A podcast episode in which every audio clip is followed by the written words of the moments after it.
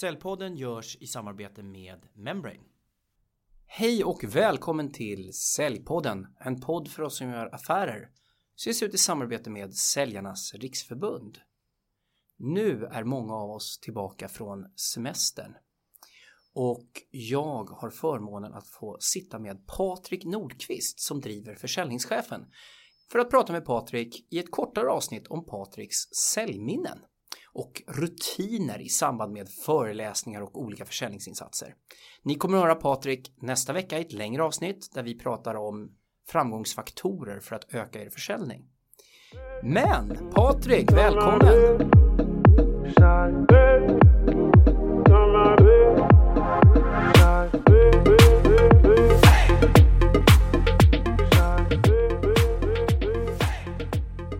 Tack så mycket. Roligt att vara här. Hur mår du? Jag mår bra, tack. Är du redo för några frågor om Patrik Nordqvists säljhistoria? Egentligen inte eftersom jag inte tycker om att prata om mig själv, men visst, vi kör. Vi gör ju det. Patrik, berätta, vad är ditt bästa säljminne? Alltså det där med bästa säljminne. Jag tycker det är jättesvårt helt ärligt, men jag, jag, jag kommer på en sak när du säger det. Eh, jag var försäljningschef på ett bolag. Vi skulle lägga om hur vi jobbade.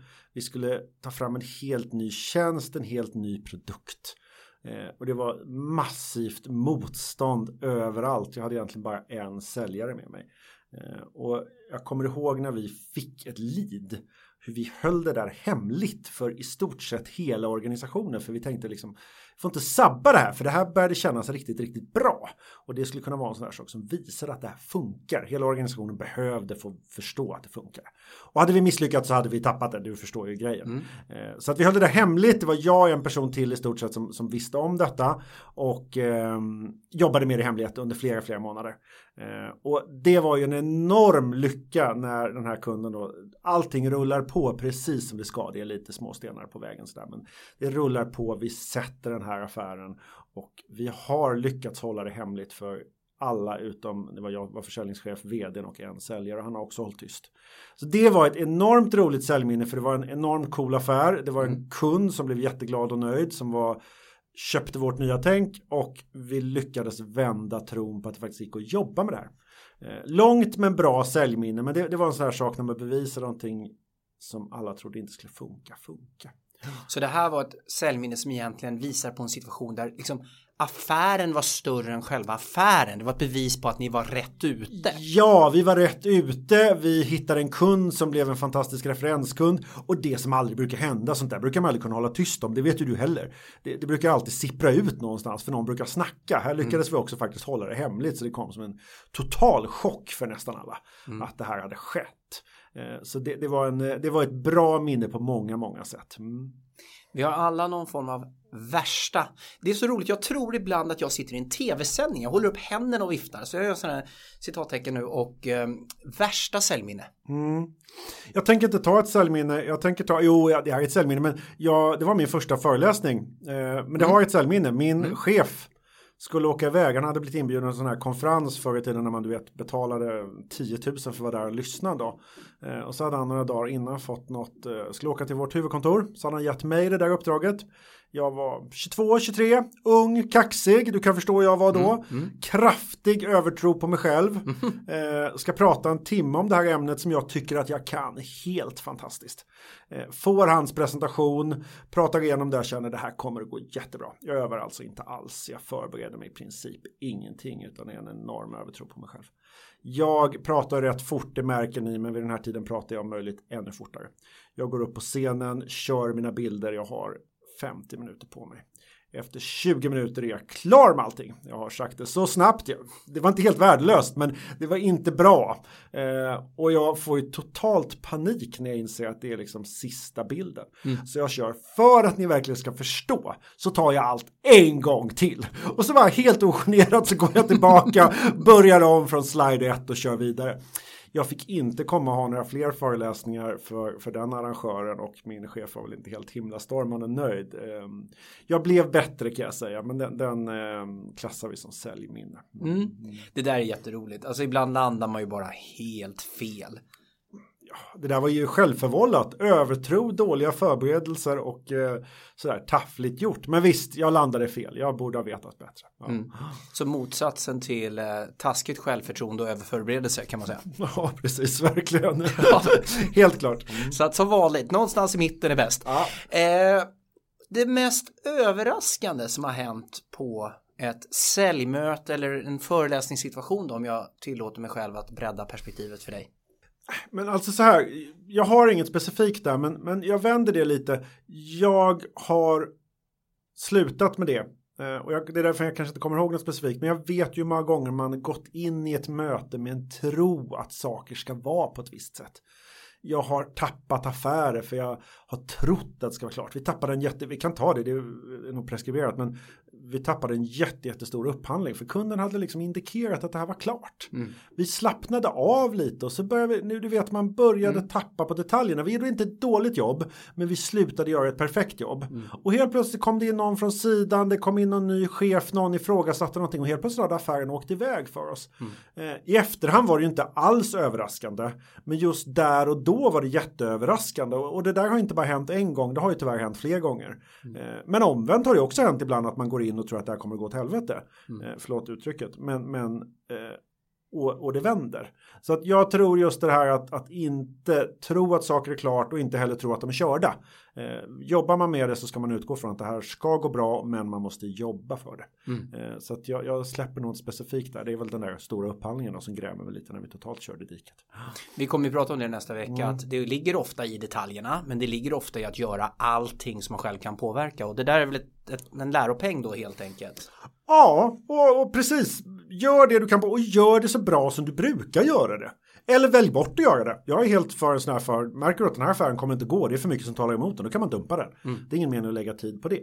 Men väljer du att jobba med en affär så ska du se till att göra det så bra som du kan göra det. Mm. Eh, för då kan man också med stolthet ha tappat en affär, för det har vi alla gjort. Mm. Eh, de har jag i stort sett aldrig grämt mig över när man går därifrån och känner att vi har gjort allting vi kunde, vi kunde inte ha gjort det bättre, vi fick den inte ändå. Då, då är man ledsen i stunden, men det är ingenting man ångrar. Mm. Eh, Det är mycket värre med till exempel den jag berättar om nu där hade vi bara skött oss och jag då som var huvudansvarig, hade vi, jag skött mig så hade det blivit bra. Mm. Nej men jättebra. Du, ehm, du föreläser ju en hel del. Mm. Du, vad är den största publik du har haft på en föreläsning? Oj, ja, kan de ha varit 500-600 kanske? Ja. Ja. Eh, oavsett, jag har oftast mindre publiker eftersom jag har sälj, men, men ja, jag har några stora publiker haft. Ja. Men oavsett om publiken har varit stor eller har varit mindre, har du någon rutin som du liksom eh, kör innan du går upp på scen eller åker iväg på ett kundmöte? Någonting som du måste göra bara?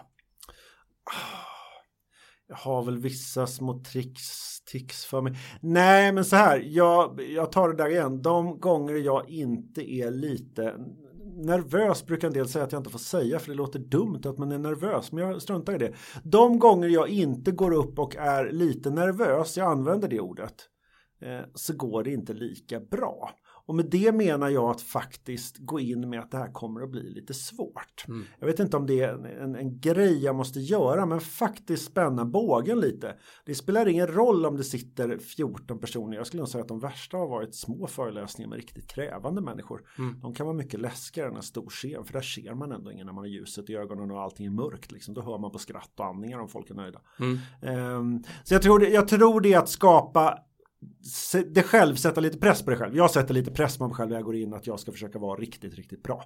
Mm. Eh, inte bara vara bra utan riktigt, riktigt bra. Jag brukar Mm. skoja med min son ibland när han frågar om det gick bra. Och säger ja det gick bra men jag tror inte jag var fantastisk idag så det ska jag fortsätta bli. Mm. Eh, att hela tiden utmana sig själv lite. Mm. Ja, jag svarar alltid, jag vet inte vilket reta gallfeber min fru när hon frågar. Jag vet inte varför jag svarar så, för jag gör det oftast när det känns ganska bra också, men det kommer som en slentrianmässig kommentar. Det där får jag skärpa mig på. Det, där, det där låter lite som mellanmjölk. Där får Ja. du mitt vanliga råd. Skippa det. Jag kan komma hem och säga att det gick åt pipan eller Mm. det gick bra säger jag Mm. ofta. Sen kan jag då lägga till att jag vill bli ännu bättre. Men, Ja, nej men det, Ja, jag ja, håller men med, jag för förstår det där är en men alltså- meningslös mm. kommentar helt enkelt. ja.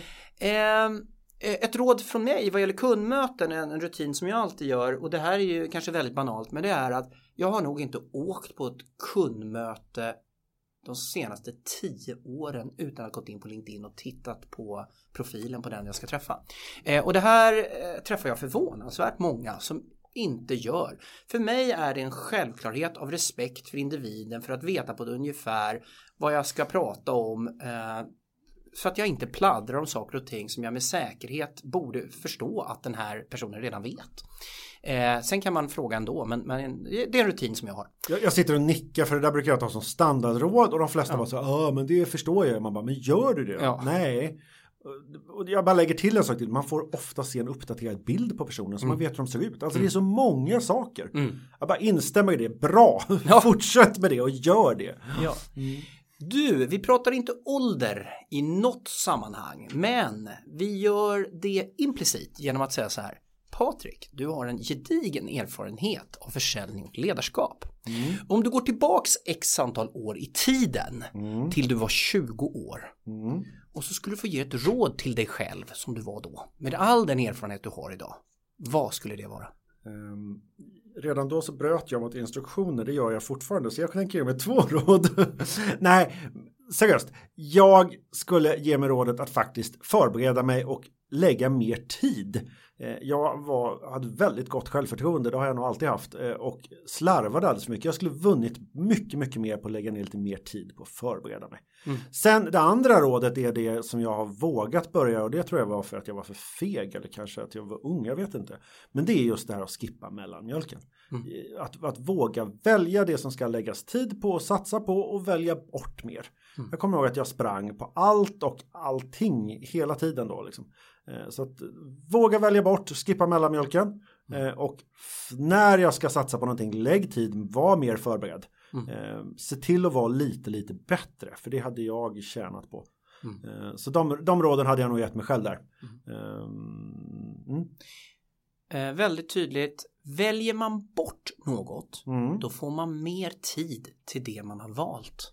Ja, Sen tror jag många är just rädda att välja fel och det kan man väl göra men, men samtidigt om du inte väljer någonting så blir det bara liksom missmatch och mellanmjölk av alltihopa. Det är också ett val. Mm. Eh, så att jag, jag, jag, tycker man ska våga faktiskt börja välja bort. Det kan vara svårt ibland men det, det är um, våga välja bort. Mm.